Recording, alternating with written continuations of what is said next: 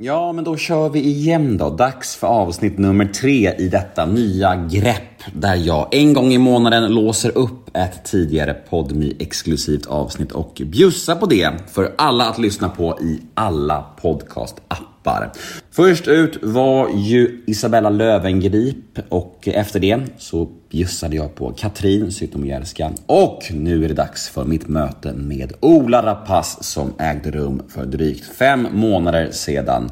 Och precis som alltid när det gäller Ola så blir detta ärligt, skört, starkt och jävligt bra podcastmaterial. Vill ni ta del av alla podmi exklusiva avsnitt av Nemo möter en vän? Ja, det finns ju en hel hög av tunga avsnitt bakom podmi väggen Ja, då laddar ni ner podmi appen eller går in på podmi.com och väl där inne fixar ni en prenumeration och då är de första 14 dagarna helt gratis. Ingen bindningstid, ingen uppsägningstid, inget sånt trams. Bara ett gratis test på 14 dagar. Och som tidigare nämnt, all podcast hos Podmi är helt reklamfritt. Men detta vet ni nog vid det här laget. Nu kör vi mitt fem månader gamla möte med Ola Rapace. Detta kommer ni att gilla. Det vågar jag nästan lova. Och detta är fritt för alla att lyssna på på alla podcastkanaler där ute. Nu kör vi! Ola Rapace, mycket nöje! Nemo är en kändis, den största som vi har. Nu ska han snacka med en kändis och göra någon glad. Ja! Nemo, ja det är Nemo. Nemo möter en vän. Då kör vi Nemo möter en vän och idag tar vi emot en gammal vän. Mm. Välkommen tillbaka älskade kära Ola Rapace. Tack som fan Nemo, det är kul att vara tillbaka. Ja, vad härligt att ha dig här. Mm. Visste du att eh, avsnittet med dig är det mest lyssnade podmi avsnittet någonsin? Jaså? Ja. Åh fan, det var, det var kul att höra. Det ja. känns ju smickrande på något sätt, eller? Det måste det göras. Ja, jag vet inte. Ja. Alltså det, det, det jobbiga med det är att det bygger upp en viss förväntan också. Tänker jag. Mm. Att folk, nu, nu, måste vi leverera en till klassiker. Ja, får göra det då. Ja. Det, det är bara att kämpa. alltså, det är en jobbig inställning att gå in i poddavsnitt, ja. leverera en klassiker. Mm. Hur, eh, hur mår du? Jag mår eh, bra, eh, verkligen. Mm. Jag har... Precis startat ett filmbolag och nu för ett par timmar sedan gjorde jag, sålde jag precis 20% av det för 300 000 och det bara exploderar liksom. och det är ju otroligt spännande men också läskigt på något sätt. För det är en helt ny värld för mig. Jag har aldrig, aldrig lekt business förut. Jag har liksom... Jag har aldrig ens kollat vad jag har fått för betalt när jag har filmat och sånt där. Jag har bara ja, men, varit konstnär och haft kul på något sätt. Mm. Och nu är jag inne i en värld med så här, alltså riktiga kapitalister, riktiga hajar. Liksom. Och det... Eh, jag har fått värsta kicken, men samtidigt så är jag också ute på djupt vatten så, där, så, att jag inte riktigt vet om jag ska eh, klara mig. Men det är, nej, det, det är roligt som fan. Och, och sen så äh, gjorde jag också någon, någon, ett konstigt tv-projekt där jag var som jag kom hem ifrån ganska nyligen och som var ganska så här livsomvälvande. Liksom, mm. äh, på något sätt. Hur mår du? Uh, lite av varje, mm. ärligt talat. Eller jag mår ganska bra. Du vet, jag har ju träffat en ny tjej ju. Mm. Som du kanske har sett. Mm. Uh, och jag är jätte, jätteglad över det. Och jag, ja, men jag mår bra tror jag. Det är bara att jag, jag känner mig jävligt trött och sliten. För jag har spelat, spelat in jävligt mycket under juni nu för att kunna vara ledig lite i sommar. Mm. Känner mig sliten liksom med, med småbarn, dålig sömn och mycket jobb. Men alltså på det stora hela mår jag bra liksom. Och eh, jag är glad över att träffa dig igen. Mm. Det är fint. Vi har ju setts lite vid sidan om och tagit luncher och så. Och det, det är alltid härligt att se dig. Ja vad heter det? Jag tänkte på en grej, eh, det här med att starta filmbolag. Jag vill dröja lite vid det. Ja. För det är en så jävla ball grej tycker jag. Mm. Har det något att göra med att du, när du var hos mig sist så pratade vi lite om att du kände dig lite så här, men du kände lite att du var persona non grata mm. Eh, på vissa håll. Att, att folk inte ville anställa dig för att du hade dåligt rykte och så mm. Har det att göra med det? Ja, definitivt. Det är så här, antingen kan man sitta hemma och gnälla över det och känna sig orättvist eh, cancellad då. Eh, och jag, det är i och för sig inte bara orättvist, men det, ja, det har varit hårt faktiskt. Eh, när jag väl blev pank. Alltså så länge man hade pengar som man kunde bränna, då var det ju...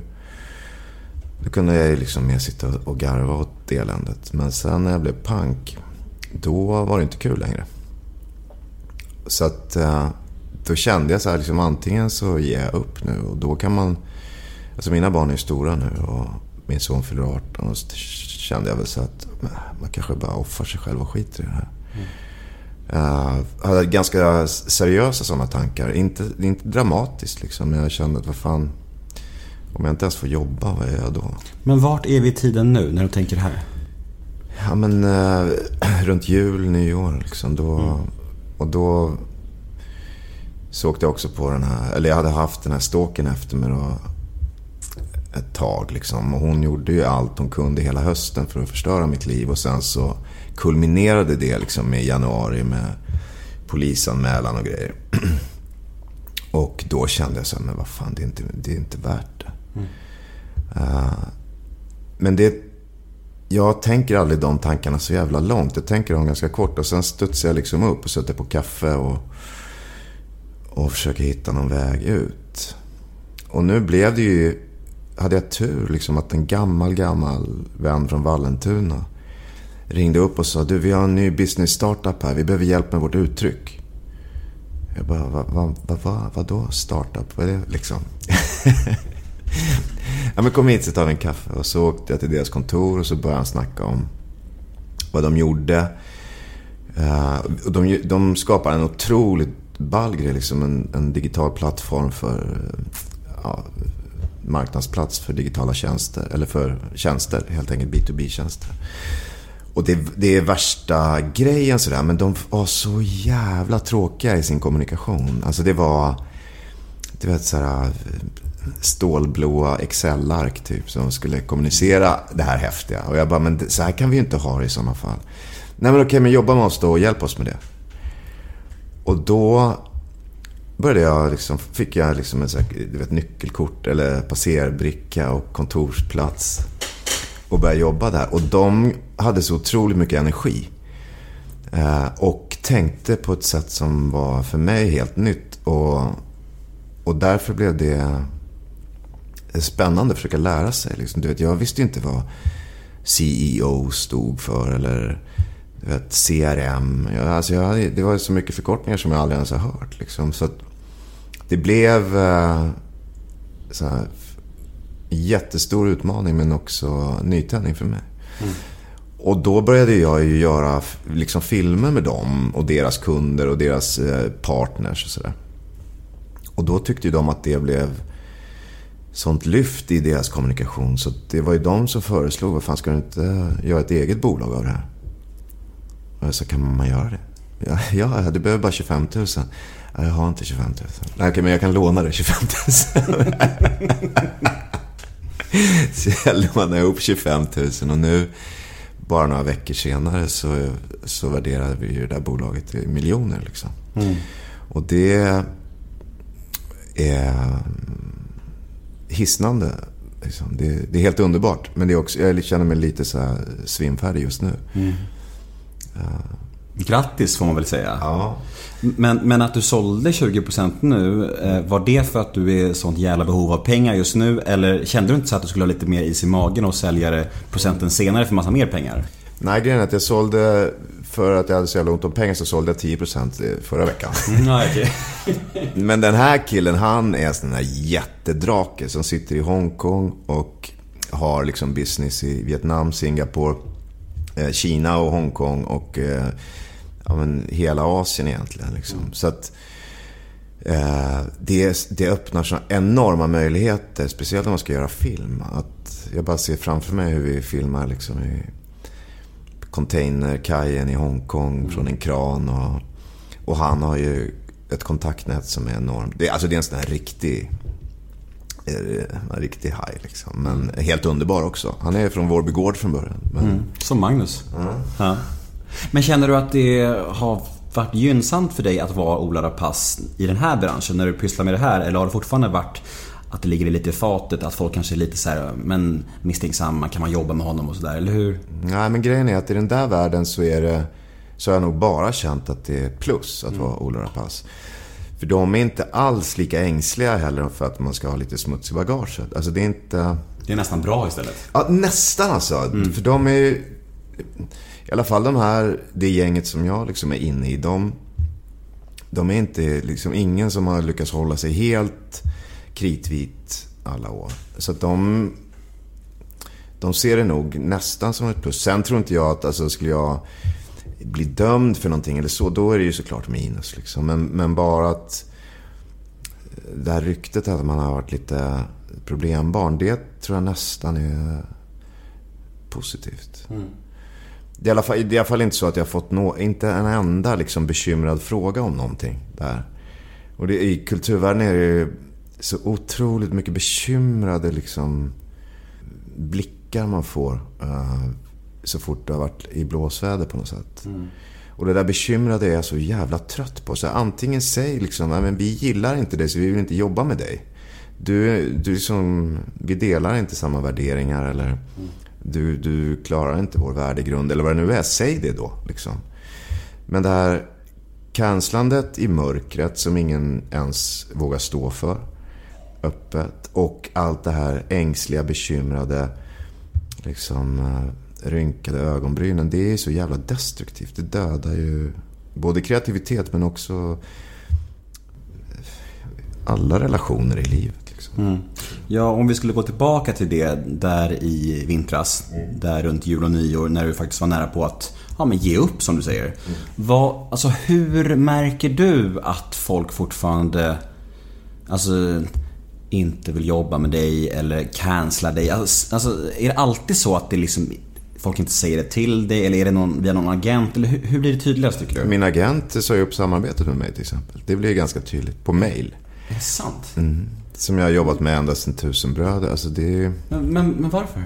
Det, ja, men det är mer 20, därför att eh, alltså de här människorna som jag har på mig då. Vi snackade ju om en sist liksom. Men eh, det finns ett par stycken. De sprider ju sådana otroligt elaka eh, lögner om mig. Liksom. Och, jag, och jag har gjort många fel och, gjort, eh, och varit liksom Eh, betett mig jävligt mot ganska många människor. Det är inget snack om det. Men däremot så är jag ju inte skyldig till den skiten som de snackar om mig. Och den skiten de snackar om mig, det förstår jag att... Alltså om det skulle vara sant så kan jag förstå att man inte vill jobba med den människan. Liksom. Men det jag inte förstår däremot är att man då inte eh, träffar den människan eller åtminstone ringer upp och säger det här och det här har jag fått veta om dig och det kan inte vi ha i vår firma, så hej då. Det hade jag liksom accepterat. Och då hade jag också fått chansen att säga, men vänta, vänta, vänta, stopp. Det där stämmer inte. Uh, är man inte tvungen att bevisa sånt där om man liksom ska kasta den skiten på någon? Måste man inte ha någon slags ja, men, evidens på det då? Uh, men det- det är, det är det som är så obehagligt i den, när, man, när man blir sådär... Ja, men, uh, avplattformerad eller vad fan man ska säga. Att det är ingen som kliver fram med en, med en öppen anklagelse om någonting. Och det är också därför det, som det kan bli så jävla mörkt. Och man kan känna så här, eller, jag kunde känna att det, var fan, det, det här är inte värt det. För det finns, de här spökena går inte att slåss mot. Jag kan inte ställa mig upp och ta en fight. För att jag vet inte vem jag ska fighta mot. Jag vet inte vad jag ska fighta mot. Men har du konfronterat någon av de här människorna som faktiskt är källorna till det här snacket? Ja, alltså för det blev en situation när den här riktiga dårpippin som jag råkade ut för, hon skickade en tungviktare på mig som spöade sönder mig totalt. Just det, den här tjejen som du, som du dejtade lite. Ja, och sen... Med, med, och det blev rättegång och allt det där? Eller? Nej, det har inte blivit än. Alltså nu, nu är inte jag misstänkt för någonting längre. Men, men hon, alltså när hon anmälde mig så var jag ju tvungen att motanmäla. Liksom. Hon har gjort så jävla mycket galenskap så den utredningen kommer nog ta ett tag.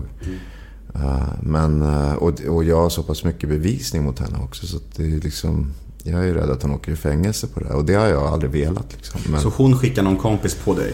Precis. Eh, och då... Jag åkte på så jävla mycket däng så jag kunde inte gå utanför dörren på nästan en månad. Liksom, för att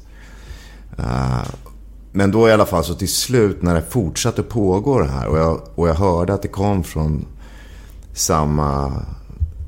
Jag vill inte nämna någon namn den här gången men det var liksom från en, en gammal ärkefiende. Då. då till slut så skickade jag bilder på, då fotade jag mig själv och, och skickade bilder liksom.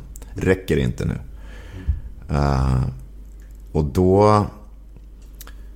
Det, det, fick ju ingen... Det fick ju bara motsatt effekt. För hon kändes, eller låtsades i alla fall att hon kände sig hotad av det. Uh, så att...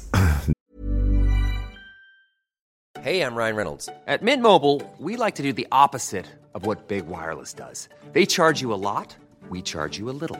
So naturally, when they announced they'd be raising their prices due to inflation, we decided to deflate our prices due to not hating you. That's right. We're cutting the price of Mint Unlimited from $30 a month to just $15 a month. Give it a try at mintmobile.com slash switch. $45 upfront for three months plus taxes and fees. Promo rate for new customers for limited time. Unlimited more than 40 gigabytes per month. Slows. Full terms at mintmobile.com. Det hjälpte nog ingenting, men det var i alla fall skönt för mig. För då kan jag säga så här, okej, okay, men det här, det är era, liksom, den här smutskastningen som du håller på med av mig. Det är det, det här leder till, liksom. Mm. Är det det du vill? Uh, och det, ja, det är möjligt att hon kanske fick en tankeställare av det ändå. Då. Men uh, jag vet inte. Men det var i alla fall... Uh, ja, men det blev en vändpunkt för mig på något sätt. För att det, jag, bara, jag gav upp liksom och kände att okay, jag ska inte slåss mot det här mer. Jag måste hitta andra vägar. Liksom. Mm, mm. Och nu är ju det det bästa som har hänt mig. För nu har jag ju en, en framtid där jag känner mig fri. Liksom. Mm. Och den här kvinnan då, hon som, eh, ja, dårpippin som de kallar henne. Mm. Vad, eh, vad är status där? När blir det rättegång? Vet du det? Nej, det vet jag inte. Polis, alltså, utredningen pågår liksom. Och eh, det, det, eftersom ingen sitter häktad då, så är det ju nerprioriterat. Så det kan ju ta hur lång tid som helst. Mm. Uh, och nu blir det ju semester och så, här. så jag vet inte. Men, och jag försöker liksom inte tänka så mycket på det. Nej. Jag känner så här, okej, okay, men för, för, min del är det där oavsett utagerat. Och jag orkar, jag orkar inte gå omkring och vara rädd liksom. För att, eh, för att hon ska skicka fler folk på mig eller något sånt där. För det, då blir man ju knäpp i huvudet. Och jag orkar inte heller gå omkring och hata liksom. För det blir jag sjuk. Det, jag, jag funkar liksom inte när jag går omkring och hatar. Nej. Men om vi ska vända på steken lite och, och se så här att du faktiskt hamnade med en dårpippi igen. Mm. det är ju ganska intressant mm. eh, aspekt i det hela. Ja. Vad, vad, tänker du om det? Att, att det här att du fortsättningsvis hamnar med de här tjejerna där det bara blir kaos. Mm. Alltså jag, jag tänker på det hela tiden. Mm. Alltså jag tänker på det jättemycket. Och nu har jag också äh, fått chansen äh, via, via den här produktionen jag var med i att gå i terapi liksom gratis. Och... Vi kanske ska säga det till, till lyssnarna att det är ett stort tv-program som kommer sändas senare i år. Det kan man ju säga. Ja, ja. absolut. Men inget mer än så. Nej.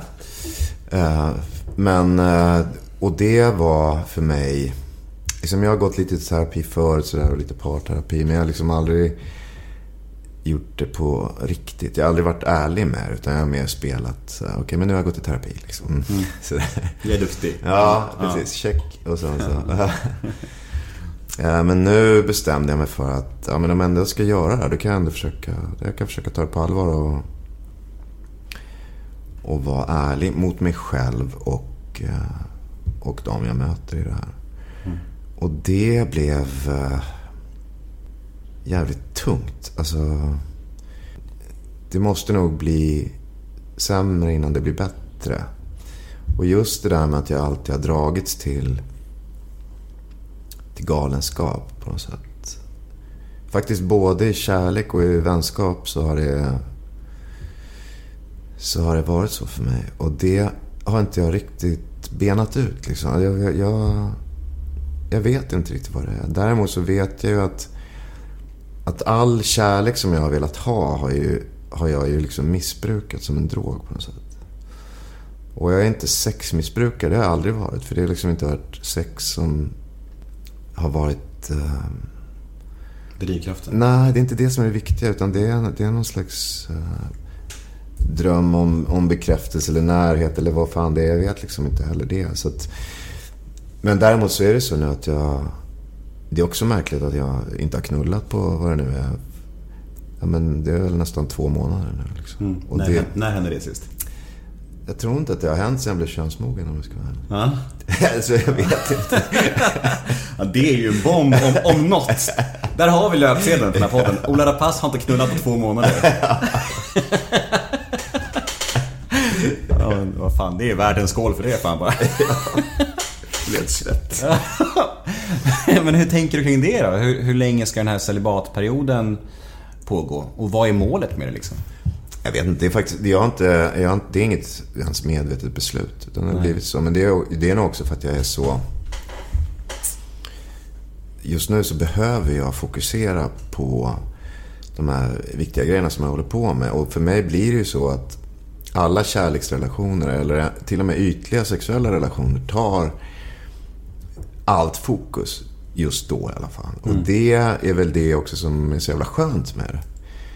Att det blir eh, tyst i huvudet på något sätt. Att det finns ett mål och en, en bekräftelse som, som stillar liksom hungern. Eh, men det tar ju bort fokus. Då blir allt annat blir liksom gjort med vänsterhanden. Och, och det har inte jag råd med nu. Nej. Det här som jag håller på med nu, det måste jag göra bra. För att annars så... Annars så går allt åt helvete. Liksom. Så att jag tänker väl mer att... Jag, har, alltså jag vet inte, jag har en sån där självdestruktiv, alltid impuls att så fort det känns som att okay, men det här kan ju verkligen bli bra. Så, så får jag någon panik och måste göra mig osams med någon. Eller ja, men, knarka bort någonting. Eller supa bort en vecka. Eller sådär. Och förstöra det. Och de, de där impulserna har jag nu också i det här. När jag, alltså jag kommer ju där inifrån massa kostymnissar som bara står och applåderar. Och jag får ju en impuls att, att liksom be dem dra åt helvete och säga "Pff, jag är inte samma lag som ni. Vad tror ni? Den här rebellen liksom. Ja, någon sån här helt barnslig, destruktiv kraft som bara vill ta över. Och då vet jag ju, till exempel så jag tyckte det var jätteskönt att, hit, att dra hit till dig nu. För där är det ju värsta AWn borta på, ja, i det här kontorskomplexet där vi jobbar. Då. Och där, folk kommer ju bli jättepackade. Och det skulle jag också ha blivit om jag var där.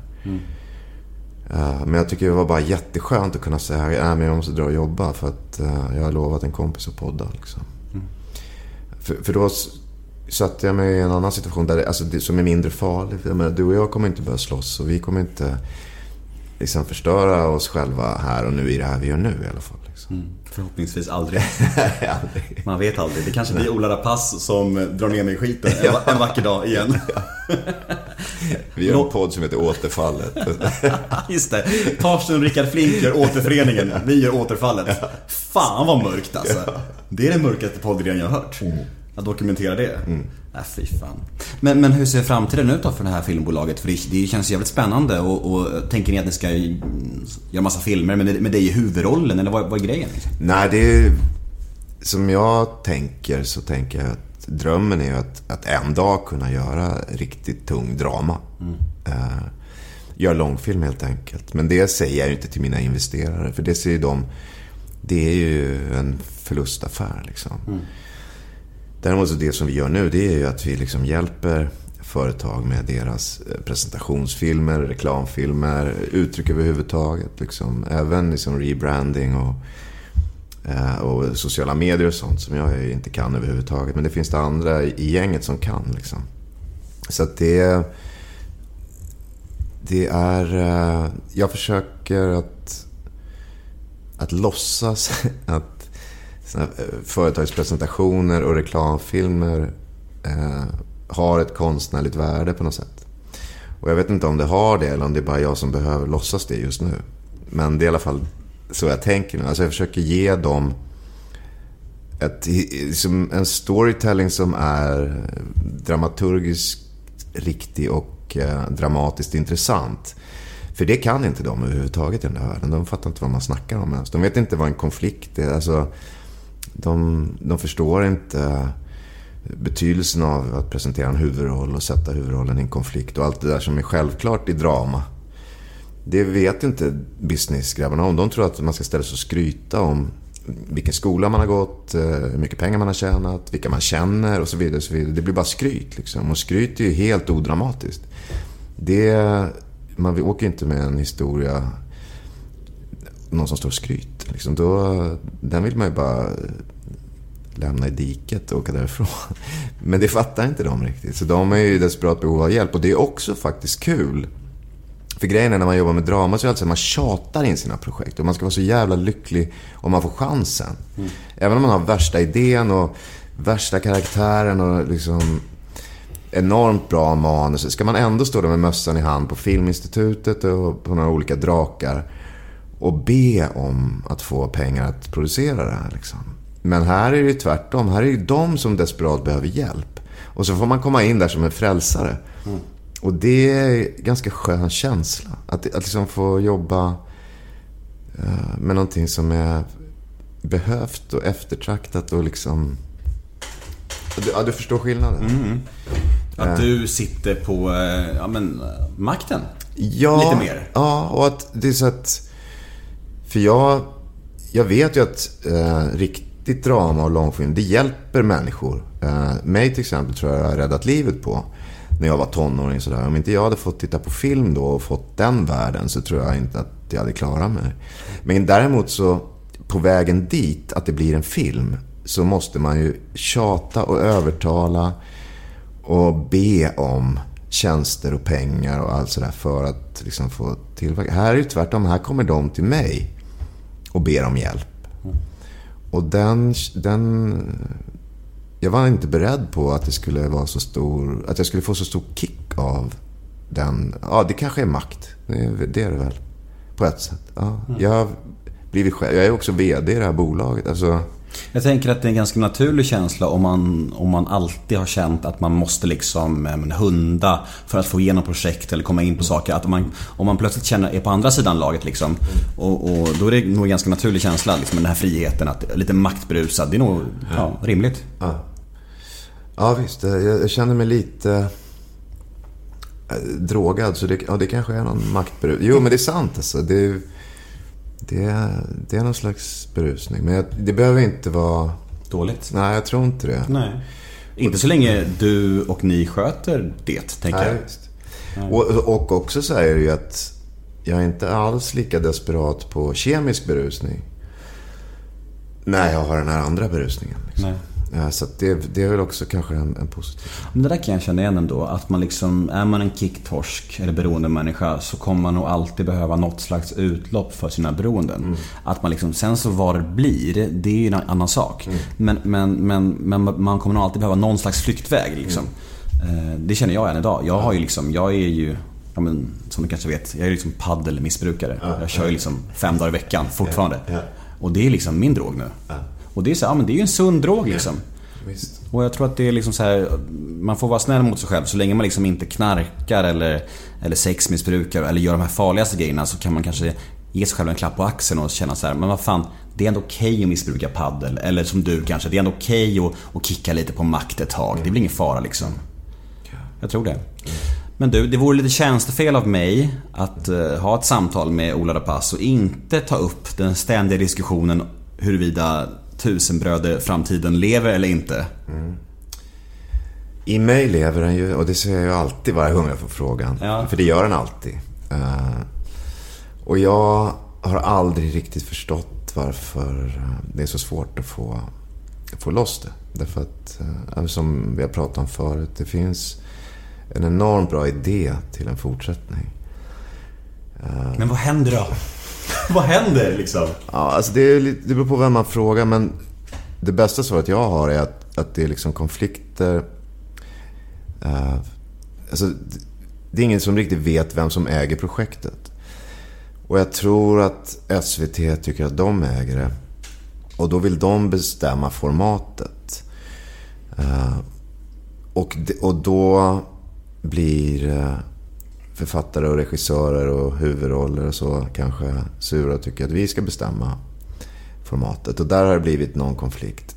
Det kan vara en förklaring. Sen kan det vara en förklaring att jag har haft så dåligt rykte att, att SVT vägrar att, att jobba med mig.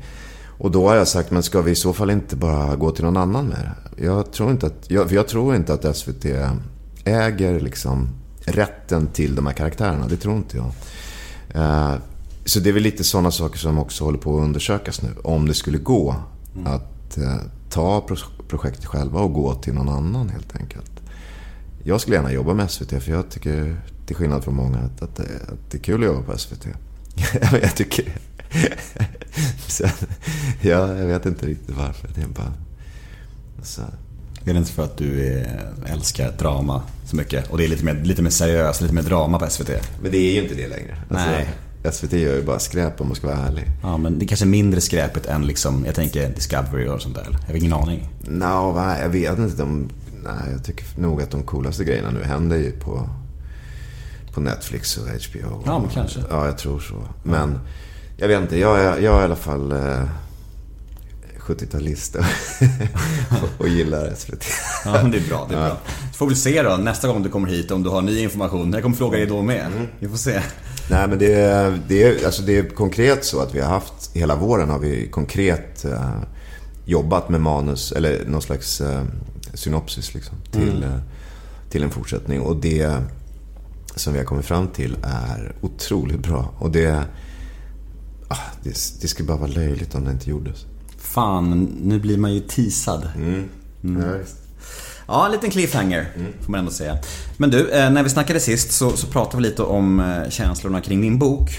Att det var lite, mm, ja, men det var lite dilemman kring det där, hur du skulle göra med folks åsikter om, om, om det där. Hur känns bokprojektet så här i efterhand? Alltså, känns det fortfarande som att det var en bra idé att göra? Blev resultatet som du ville?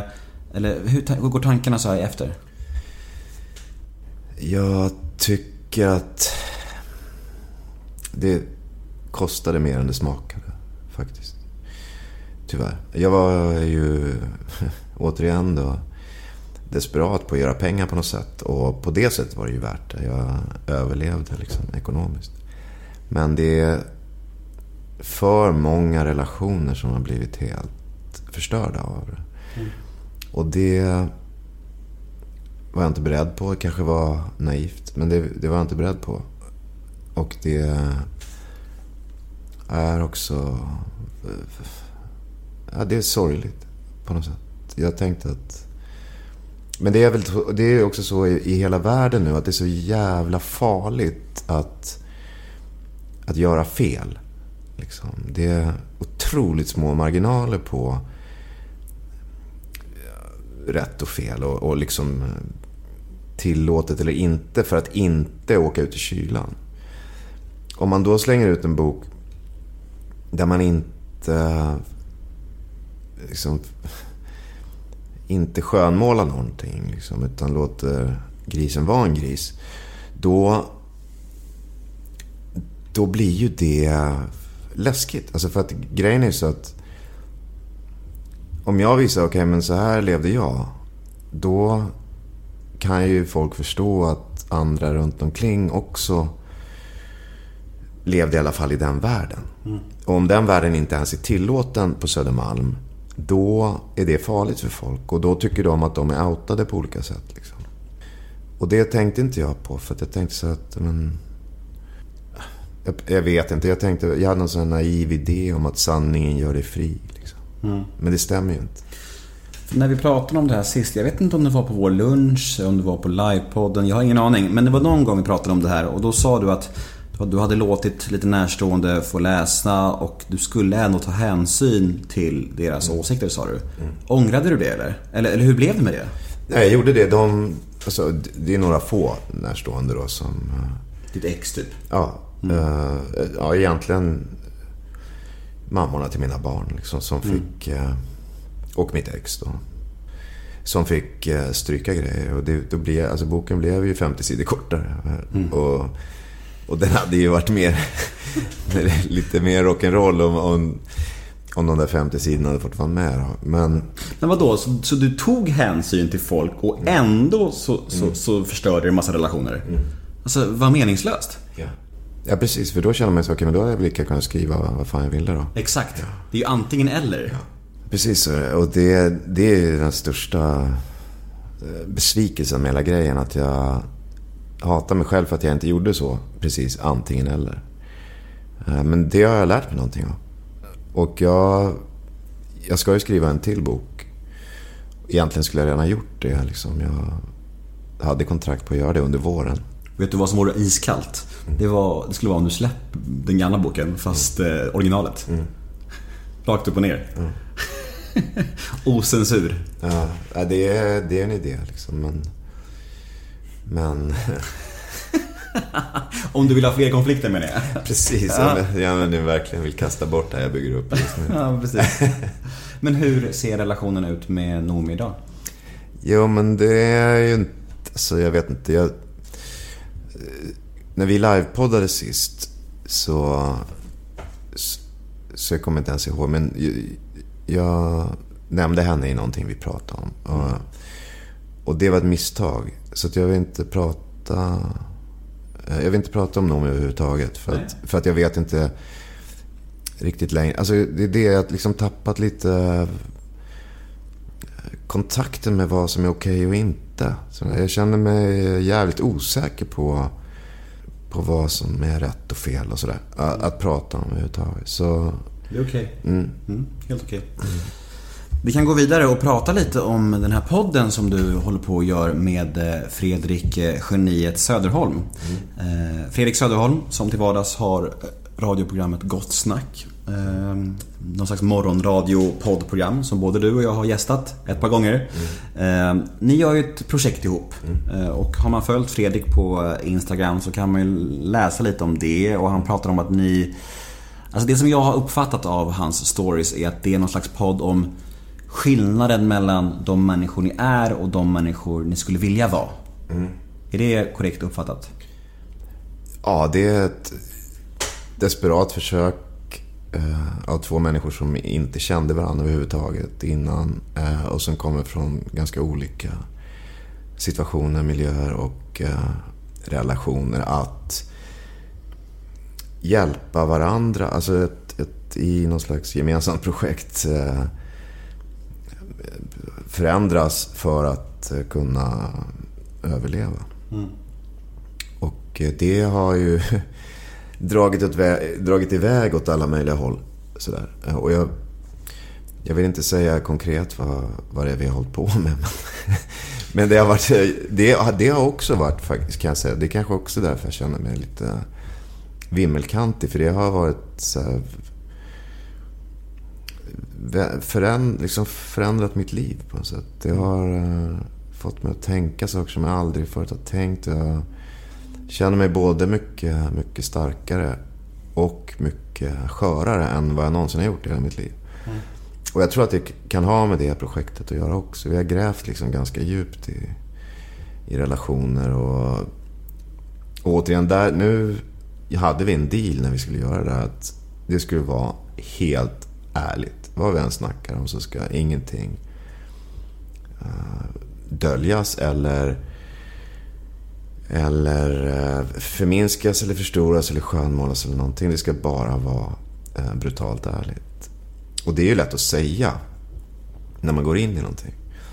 Men sen när man har suttit där liksom vecka efter vecka och snackat. Det blir som att man har suttit och biktat sig liksom i ett halvår. och jag hoppas att det ska leda till något positivt. Men just nu känner jag mig bara sönderkörd. Liksom. Mm. Är ni klara med bandandet? Nej, jag hoppas att vi ska bli klara imorgon. Ja. För nu jävlar räcker det.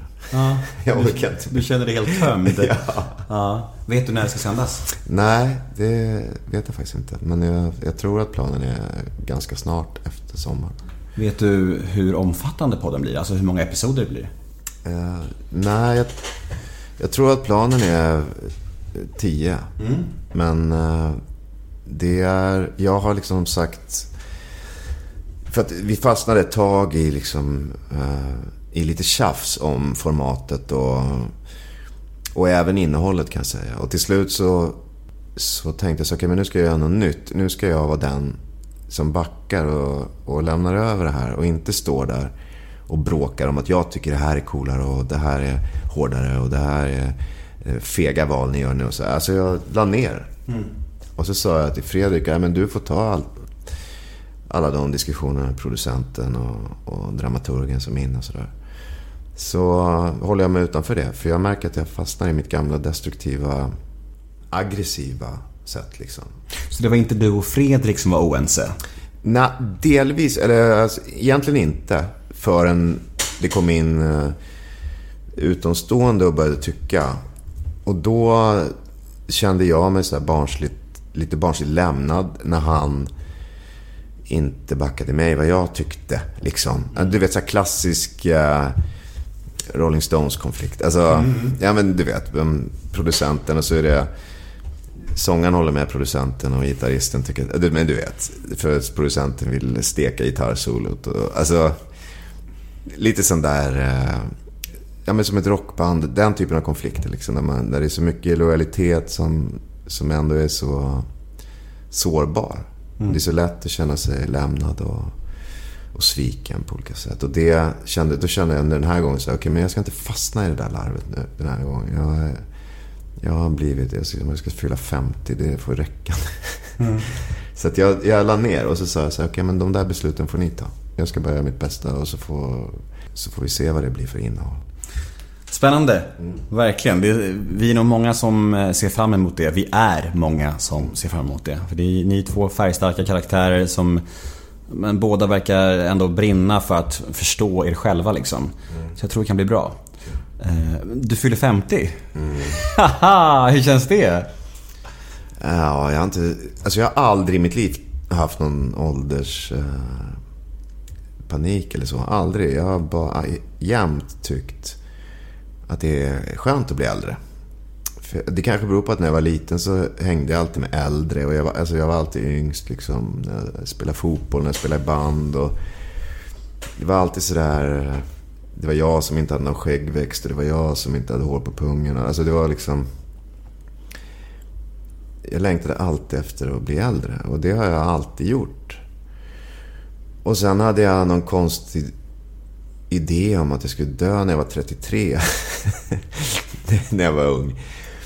Och så gjorde jag inte det. Och då kände jag, okej, men då är ju allting ändå plus här. Så det har jag, inte- jag har inte tänkt på det. Förrän det här sista året. Uh, och det tror jag är för att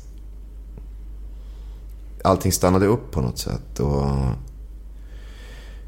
och jag liksom Uh, ja, men, gick ner massa i vikt och jag blev ännu gråhårigare än vad jag var. Och jag liksom tittade mig i spegeln och så såg jag bara, men vänta, det är farsan. Och det var så jävla tungt. För att alltså, det har jag hållit på och sprungit ifrån hela mitt liv. Det är så här, jag ska aldrig någonsin bli som farsan. Det är det som har varit min drivkraft, liksom, om man ska vara helt ärlig, genom hela livet. Aldrig bli som han. Och så senaste året så har jag liksom varje gång borstat tänderna och, och liksom fått syn på mig själv i spegeln så har jag hållit på att spy för att vad fan, det är farsan. Ingen springer ifrån tiden, Ola. Nej, och då har jag börjat... Eh, först fick jag panik på det. Och, sen, och där har jag hållit på lite med terapi nu då. Jag tycker det känns så konstigt att säga att jag går i terapi. Men, eh, men min terapeut som är skitsmart, som jag verkligen... Jag gillar honom skarpt. Men han har någon... Eller det låter på honom som att han tycker att det är dags för mig att gå in i ett nytt skede av livet. Liksom att istället för att spela huvudrollen så kanske man ska vara mer mentor eller regissera. Alltså sådär att man ska ta den, den gamle mannens roll på något sätt i livet. Och, och nu försöker jag acceptera det. För jag tror att det är sant. Jag tror att det är, det är slut med det här att spela första älskare. Liksom. Nu är det mer min roll att, att hitta den som ska göra det och hjälpa honom att göra det. Mer än att försöka stå där längst fram själv och spela galen. Men hur kommer det gå då? För du är väl ändå en person som har ett ganska stort ego och bekräftelsebehov. Eller är jag helt fel ute då? Nej, verkligen. Men jag hoppas ju att, att, att det går att liksom... Kombinera.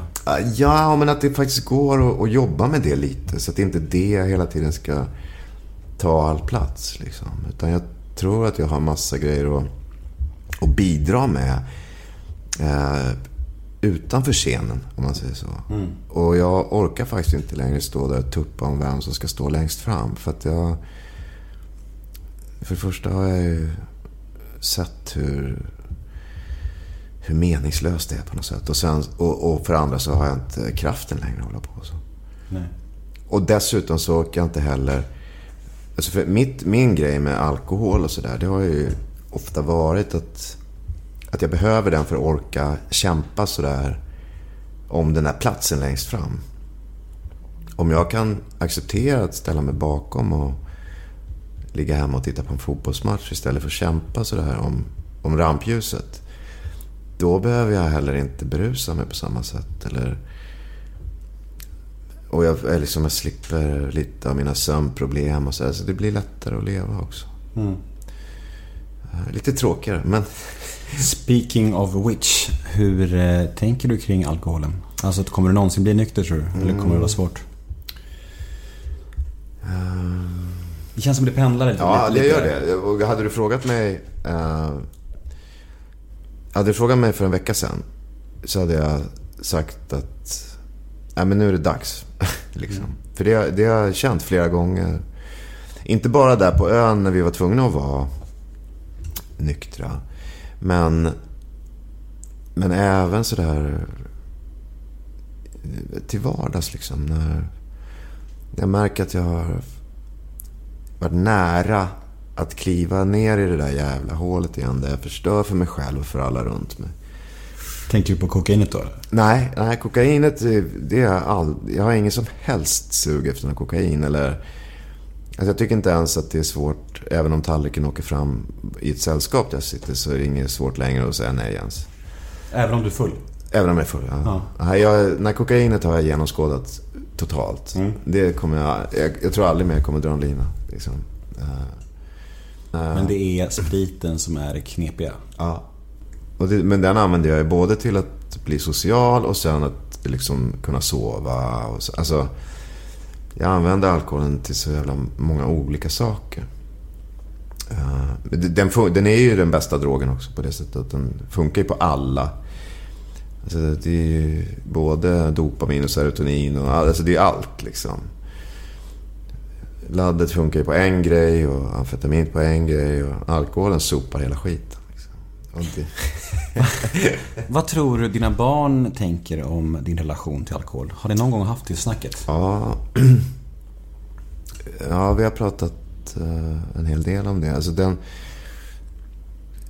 jag tror inte att... eh, Alltså mina barn har ju aldrig, eh, liksom, tror de, sett mig full till exempel.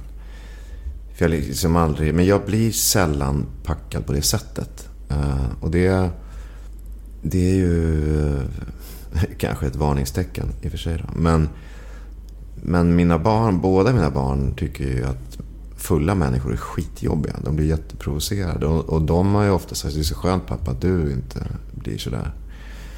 Och så. Men sen så tror jag att först på senare år när de har blivit äldre så har de liksom förstått att, att en hel del av mina brister som förälder när de var små ändå hade att göra med att jag drack för mycket. Eh, och det tror jag de känner som en kniv i ryggen. Liksom att, eh, att de borde ha fått veta kanske. Eh, men det, och det hade jag nog varit ärligare med om jag hade fattat det själv. Men jag förstod inte riktigt.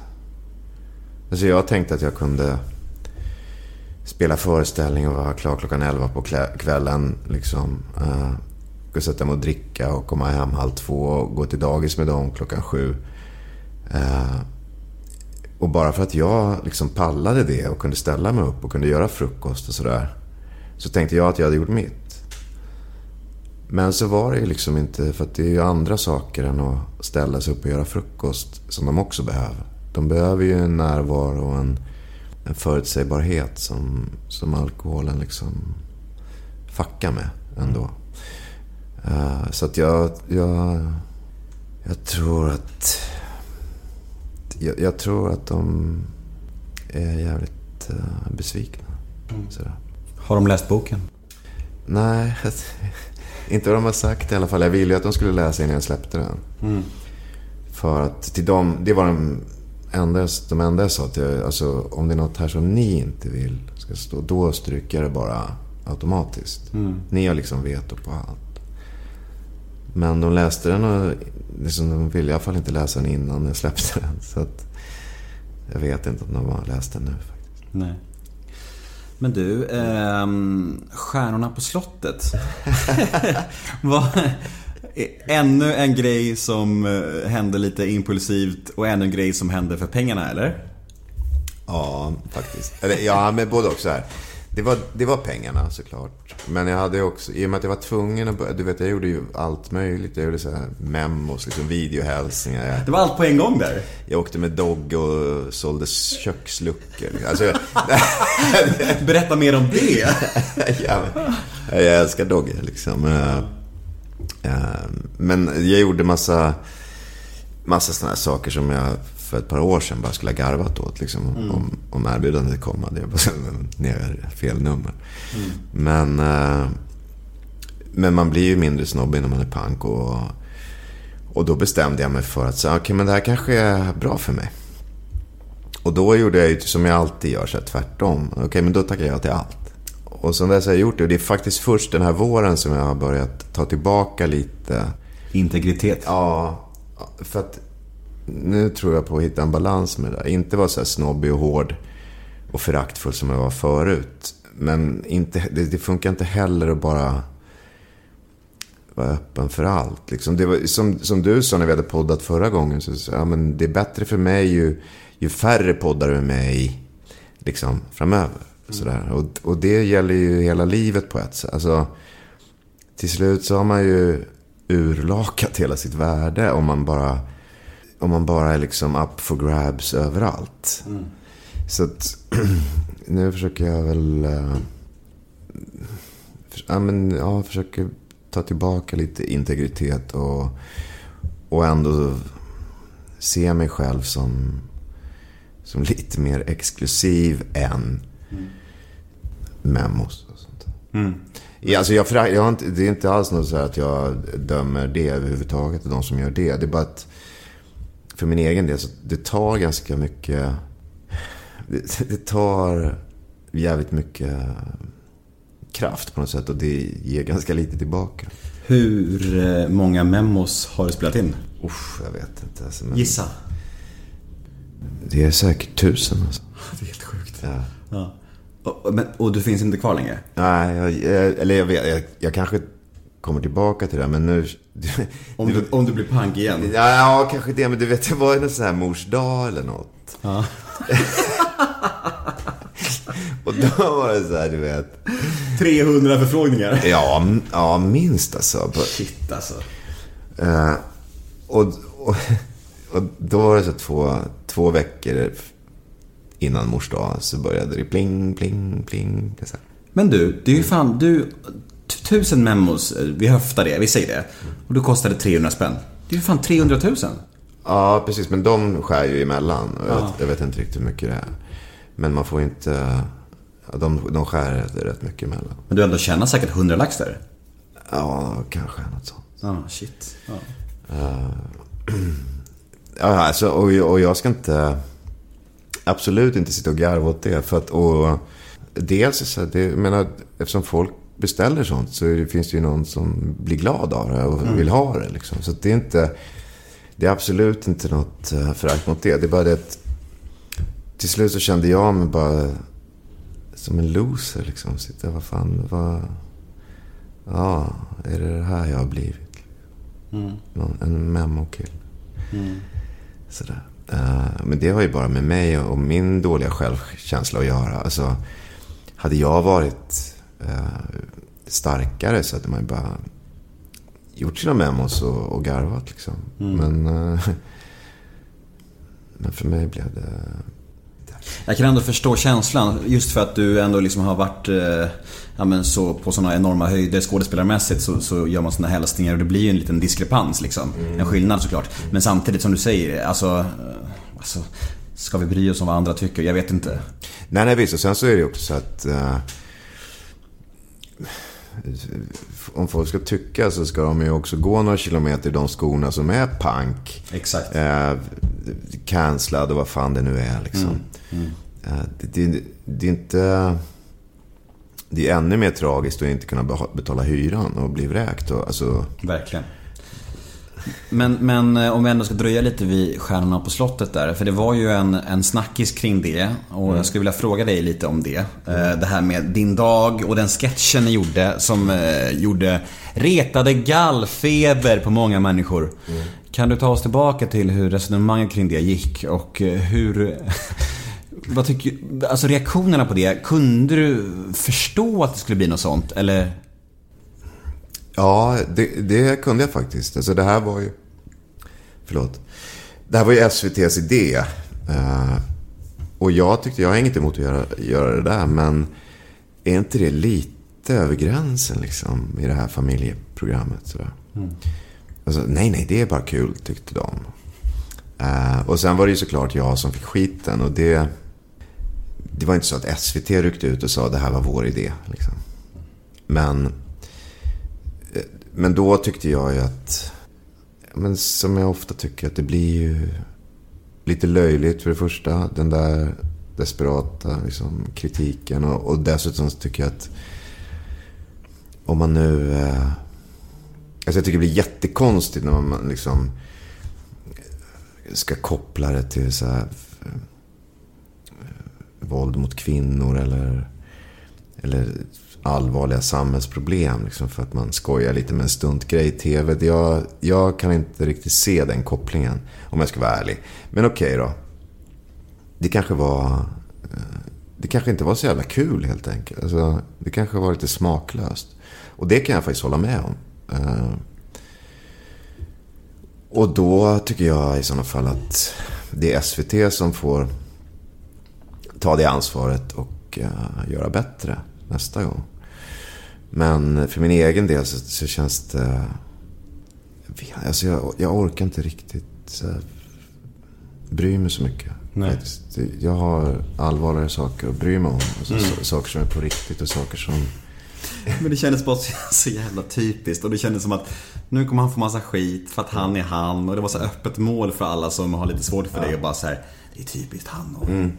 Ja, men jag vet, men det är det jag undrar om kanske SVT lite så här cyniskt. eh, Tog chansen lite grann. Ja, att de liksom eh, räknade med det som... De räknade nog med att du skulle få bära ansvaret ändå fastän det var deras idé för att du är du och de vann bra PR liksom. Ja, precis. Ja, Det, det är det, jag vill inte tro så om mina producenter, men, men om man ska vara helt krass så är det så nog så det funkar. Liksom. Och, det, och det, då tycker jag så här, okej, men då får, de, då får de skämmas för det. Istället för att jag ska hålla på och skämmas. för det. Det tycker jag låter rimligt. Men hur ser då framtiden ut då? Eh, filmbolaget har vi pratat om. Eh, finns det några nya projekt i pipen här? Några nya roller på gång eller några nya inspelningar eller hur ser det ut där? Alltså nu hoppas jag, jag hade två jättegrejer på gång precis när pandemin liksom slog till. Just det, det där fantastiska franska manuset. Mm. Och en, en brittisk serie också som också är helt fantastisk. Sådär. Och båda de eh, blev ju, vad ska man säga, liksom bordlagda eller uppskjutna då. Och båda de grejerna, alltså de som driver de projekten vill ju få igång dem igen. Så nu, nu har ju den här processen börjat då med att liksom återfinansiera allting. För all finansiering går ju tillbaks när man inte kommer igång. Och det hoppas ju jag på. Och det håller jag hela tiden öppet. I allting som jag åtar mig liksom i det här nya vd-jobbet som jag har. Så, så lägger jag hela tiden en brasklapp att om något av de här projekten kommer igång, då kommer jag bara dra. Då får ni klara er själva. Eh, så jag, och det går jag hela tiden och drömmer om. För jag kommer aldrig sluta drömma om att göra långfilm. Det är liksom det som är det coolaste som man kan göra. Så att eh, det är det. Och, sen så om inte något av det blir av så, så kommer jag ju drömma om att göra mina egna projekt då på mitt eget bolag. Och sådär. Eh, och sen så finns det ju flera nya projekt i Sverige som, som jag jättegärna skulle vilja vara en del av. För att det, det har skrivits en del bra grejer under den här tiden när allt har legat nere. Du, min kära vän. Mm. Tiden går fort när man har trevligt. Och Vi har faktiskt pratat i en timme. Har vi det? Mm. Ja, jävlar. Och Jag tänker att återbesöken i den här podden ska ligga på ungefär en timme. Eh, Så jag är supernöjd. Mm, men då får jag fråga dig några saker då. Vad du vill. Vad du vill. Den här nya bruden. Åh, hon är otrolig. Ja, vad heter hon igen? Hon heter Nelly. Okej. Eh, Nelly Lindenstrand. Och eh, ja, men hon är fantastisk. Och eh, vad ska man säga? Hur länge har ni varit tillsammans nu? Eller är det Vi, hemligt? nej, absolut inte. Vi har varit eh, ett par i ja, men en, en dryg månad kanske. Och träffats i kanske två månader. Och Har hon träff- träffat dina barn och sådär? Hon har träffat den lilla. Okej. Eh, Den stora väntar vi med för att hon är, eh, du vet, hon är ändå fyra år, Mm. förstår mycket, känslig ålder. Och den stora flickan hon drömmer fortfarande om att mamma och pappa ska bli, Ja, ihop, ja. bli ihop igen. Och det kommer hon drömma om tills hon blir i vår ålder. Ja men exakt, Eller, exakt, exakt. Så ibland tänker jag bara att det kanske är bättre att presentera henne för Nelly så att man river av det plåstret. Men samtidigt så är det så jävla... Det är heartbreaking liksom. Mm, men det är också det, sen om det inte skulle funka så jävla bra om ett halvår. Det, för jag gjorde det misstaget med min son åtminstone, eller båda mina barn representerade ganska ytliga, eller som jag känner, ja men det här är för evigt och sådär. Så det är lika bra att presentera för barnen, det är lika bra att vi äter frukost ihop och sådär. Och sen två månader senare, hej då. Och då kände sig ju mina barn ofta väldigt svikna, för de knyter ju an till den där nya människan ändå. Just det. Och då om det bara, jaha det var bara på låtsas, då blir ju de lämnade i det. Nej men precis, och det finns ju så många exempel på det där. Framförallt om män tyvärr som eh, träffar nya kvinnor och kastar in dem i barnens liv och, och, och skyndar med allt det där. Och det finns ingen anledning för oss att skynda med det. Så det, det, det tar, vi tar det lugnt liksom. Bra. Men hon är en bra tjej och hon är, hon är nykter, som jag.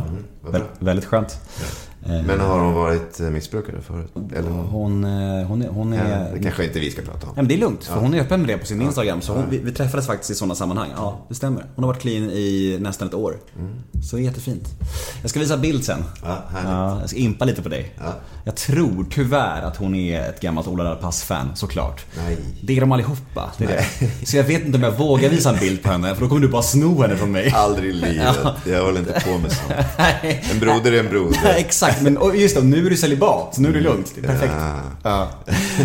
Men du, eh, fan vad mysigt det här var. Tack Nemo. Ja. Alltid lika trevligt. Ja men tack själv. Du är välkommen tillbaka när du vill. Puss och kram. Puss och kram. Hej då.